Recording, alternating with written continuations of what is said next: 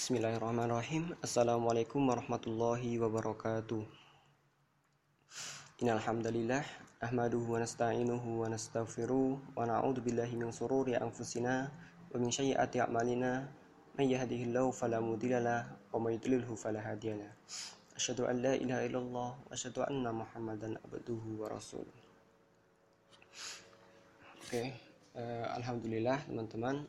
Uh, kita sudah berada di pertengahan Ramadan yang mana dalam 15 hari yang terakhir ini Ramadan akan meninggalkan kita dan semoga kita di hari-hari terakhir selama 15 hari ini kita bisa uh, menggali diri lebih dalam lagi untuk menjalankan amal-amalan yang di utamakan di dalam bulan Ramadan tersebut.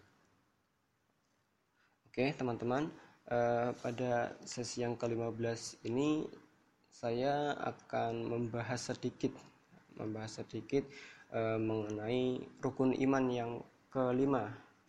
Oke. Eh, teman-teman sudah tahu sendiri bahwa rukun iman memiliki enam cabang yaitu pertama iman kepada Allah, iman kepada e, malaikat Allah, iman kepada Nabiullah, iman kepada kitabnya, iman kepada hari akhir dan yang terakhir iman kepada takdir atau qadar dan qadar. Nah, e,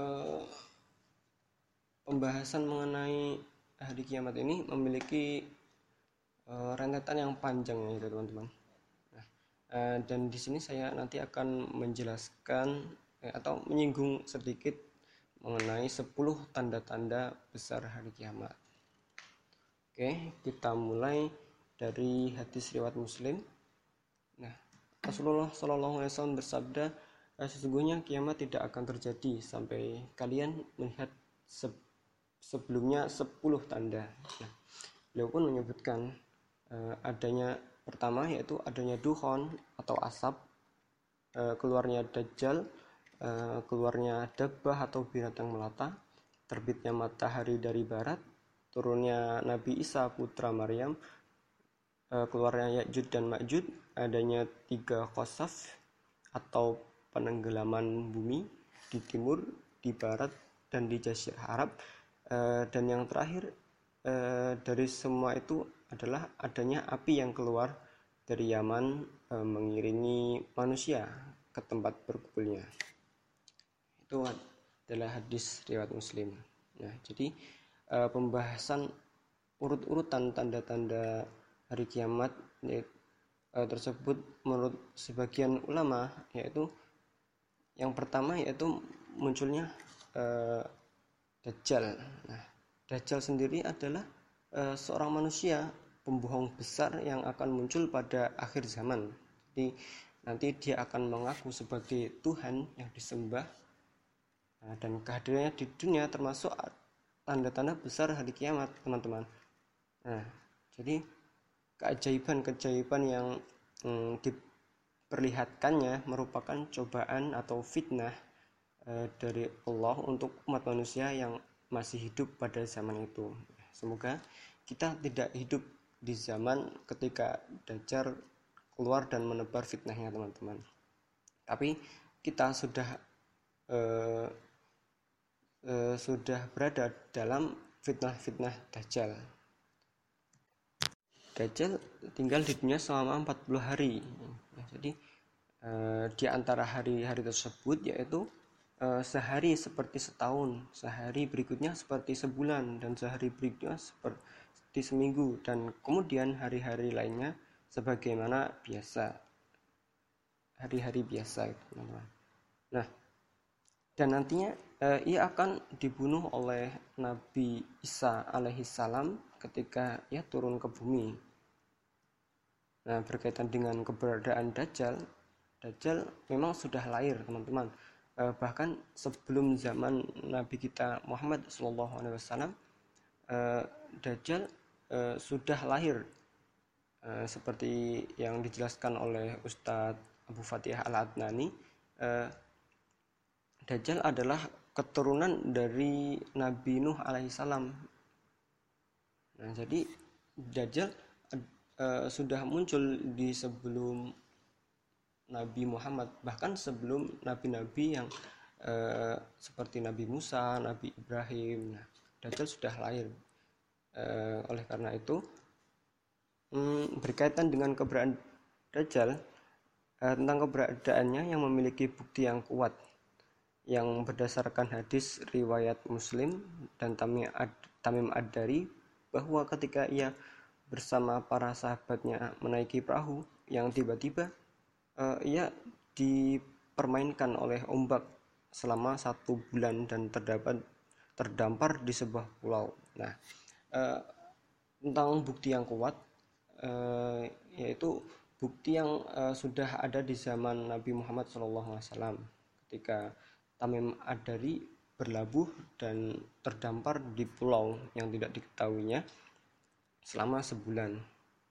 Nah, eh, literatur-literatur seperti uh, yang saya sebutkan tadi bisa teman-teman teman-teman akses di kajiannya Ustadz Abu Fatih Alatnani atau Ustadz Rahmat Kalbaikuni di sana uh, mengulas uh, beberapa tanda tentang hari akhir yang insya Allah eh, bisa sedikit membantu teman-teman dalam memahami eh, rangkaian-rangkaian akhir zaman. Nah, ceritanya bisa dibaca sendiri atau merujuk dari kajian ustadz-ustadz tersebut. Nah, bicara mengenai Dajjal, maka yang terpenting eh, yang kita yang terpenting kita bisa selamat dari fitnah Dajjal dengan apa kita selamat? Nah, yaitu dengan ilmu dan amal. Adapun dengan ilmu yaitu harus e, diketahui bahwa dajjal itu e, yaitu matanya buta sebelah dan terukir di antara kedua matanya tulisan kafaro atau kafir. Adapun dengan amal yaitu dengan berlindung kepada Allah Subhanahu wa taala dari fitnahnya. Ketika tasahud akhir eh, setiap sholat. Nah, di ketika setelah kita membaca tasyahud akhir, maka uh, kita dianjurkan untuk selalu membaca doa seperti doa berlindung dari fitnah dajjal, fitnah neraka dan fitnah-fitnah yang lainnya seperti yang kita biasa lantunkan yaitu Allahumma inni a'udzubika min adabi qabri wa min adabi jahannam wa min fitnatil mahya wal mamati wa min syarri fitnatil masiihid dajjal. Nah, selanjutnya yaitu agar kita selamat dari fitnah Al-Masih Dajjal yaitu kita hafalkan surat Al-Kahfi. Al-Kahfi uh, satu, sat, ayat 1 sampai 10 ataupun ayat 10 terakhir dari surat Al-Kahfi. Dan dari uh, ada hadis dari riwayat Muslim mengatakan bahwa barang siapa hafal 10 ayat dari surat Al-Kahfi e, niscaya e, dia akan terpelihara dari fitnah dajjal. Nah, tanda e, besar hari kiamat yang kedua yaitu turunnya Nabi Isa putra Maryam dari langit. Nah, Nabi Isa alaihissalam sekarang masih hidup. E, jadi e, Nabi Isa itu e, masih hidup uh, di langit kedua. Nah, jadi ia akan turun di Menara Putih sebelah timur Damaskus yang dia membawa syariat Nabi Muhammad SAW uh, dan akan mematahkan salib dan membunuh babi-babi. Beliaulah yang membunuh Dajjal di pintu Lut yang berada di negeri Palestina. Nah, di zaman Nabi Isa alaihissalam, manusia hidup tentram seperti yang kita jelaskan tadi di fase kelima nanti ma atau khalifah anamin haji nubuah e, manusia hidup tentram hartanya melimpah damai di mana-mana. Hal ini berdasarkan hadis sahih e, menurut sebagian ulama. Isa putra Maryam turun ketika kaum muslim dipimpin oleh Imam Mahdi. Nah yang selanjutnya yang ketiga e, keluarnya Yajud dan Majud Ya'juj dan Ma'juj yaitu uh, sebenarnya adalah sebuah manusia yang ganas uh, yang memiliki garis keturunan dari putra Nabi Nuh alaihissalam yaitu Magog bin Yafis bin Nuh. Nah, dijelaskan bahwa Yajud dan Makjud membunuh setiap manusia yang ditemuinya. Nah, ia keluar dari tempat-tempat tinggi saat rombongan pertama keluar melewati sebuah danau. Mereka meminumnya hingga kering dan ia memakan apa saja yang ia temui. Nah, jadi eh, saat itu eh, saat Yajud dan Majud keluar, manusia saat itu banyak melarikan diri karena takut kepada mereka. Sampai-sampai Nabi Isa alaihissalam dan kaum muslimin berlindung di sebuah bukit. Lalu Nabi Isa alaihissalam berdoa kepada Allah Ta'ala. Maka Allah mengirimkan ulat-ulat dalam jumlah yang banyak mengenai leher mereka sehingga semuanya mati. Ya'jud dan Ma'jud sudah ada sekarang eh, atau sudah ada di zaman sekarang. Mereka uh, dikurung di dalam dinding besar yang dibangun oleh Raja Zulkarnain. Dalam Al-Quran disebutkan bahwa dalam surat Al-Kahfi ayat 97 sampai 98 eh, maka mereka tidak bisa eh, mendakinya dan mereka tidaklah eh, melubanginya. Zulkarnain berkata, "Ini dinding adalah rahmat dari Tuhanku. Maka apabila sudah datang janji Tuhanku, dia akan menjadikannya hancur luluh dan janji Adalah benar." Nah, nah kemudian eh, yang keempat yaitu terjadinya khosaf atau penenggelaman bumi. Eh, seperti yang kita ketahui eh, dengan istilah likuifaksi yang seperti yang terjadi di Palu pada tanggal 28 September 2018 lalu ya. Yang kosaf ini terjadi di timur. Uh, disebutkan bahwa kosaf ini terjadi di tiga belahan bumi yaitu di bumi belahan timur, di bumi bagian barat dan di jazirah Arab. Nah, Ibnu Hajar berkata, di beberapa tempat terjadinya gempa yang menenggelamkan bumi, tetapi bisa bisa jadi yang dimaksud dengan tiga penenggelaman bumi ini lebih daripada gempa-gempa itu. Mungkin eh, wilayah yang tenggelam lebih luas dan skalanya lebih besar gitu teman-teman. Nah, eh, tadi sekali eh, setelah Yajud dan Majud yang poin keempat terjadinya kosaf eh, merang, merangkum tiga poin yaitu yang keempat terjadinya kosaf yang kelima terjadinya kosaf di bagian barat yang keenam kosaf di jazirah Arab dan yang ketujuh munculnya dukhon atau asap e, tebal yang disebabkan oleh meteor yang jatuh di lautan. Nah, jadi Rasulullah Shallallahu Alaihi Wasallam bersabda, Inna Rabbakum annarakum salasa ad-duhan yahdul yahdul mu, yahdul mu'mina. Kazzah kazzah kamadi ini saja. Dan Eh, sesungguhnya Tuhan Tuhanmu memperingatkan tiga hal. Dukhon asap yang menimpa orang mukminin sehingga ia seperti terkena flu dan menimpa orang kafir sampai membengkak. Sehingga keluar dari setiap e, telinganya hadis Ibnu Jarir dan Tabrani. Nah, yang kedelapan yaitu terbitnya matahari dari barat.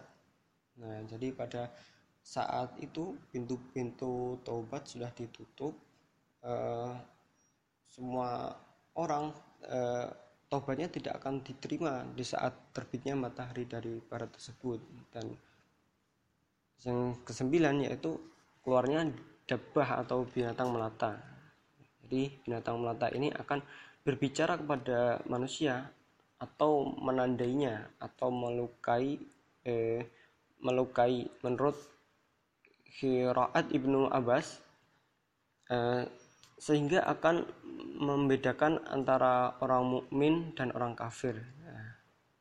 Syekh, Ab, Syekh Abu Syekh Ibnu Utsaimin berkata, Zohir Al-Quran menunjukkan bahwa binatang itu akan um, memperingatkan manusia tentang dekatnya azab dan kebinasaan. Dan yang terakhir yaitu 10, keluarnya api yang muncul pertama di sebelah selatan jazirah dari daratan rendah dari daratan Aun kawasan Diaman. Nah, api tersebut menyebar ke mana-mana dan mengumpulkan manusia ke tempat berkumpulnya. Kemudian Allah Subhanahu wa taala memerintahkan malaikat Israfil untuk meniup sakakala yang berarti eh, alam alam semesta akan hancur. Wallahu alam bisawab.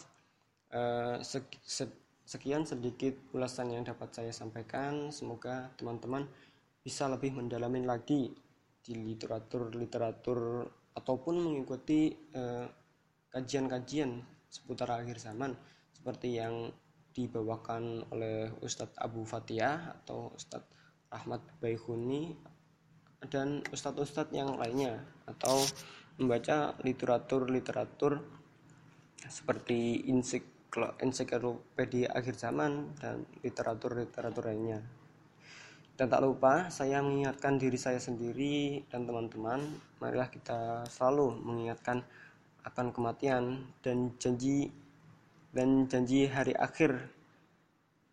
Dan marilah kita sama-sama mengingatkan akan hal itu karena di zaman yang kita eh, di zaman kita yang berada di fase keempat ini atau fase mulkan jabariyah yang sebentar lagi akan beranjak pada fase yang kelima yaitu fase Khalifah ala haji nubuah atau fase terakhir di dunia yang dijanjikan oleh Allah Subhanahu wa taala sebelum menuju alam keabadian yaitu alam akhirat. Sekian yang dapat saya sampaikan. Eh, apabila banyak kesalahan saya mohon maaf sebesar-besarnya. Nun wal turun. Astabil. Assalamualaikum warahmatullahi wabarakatuh.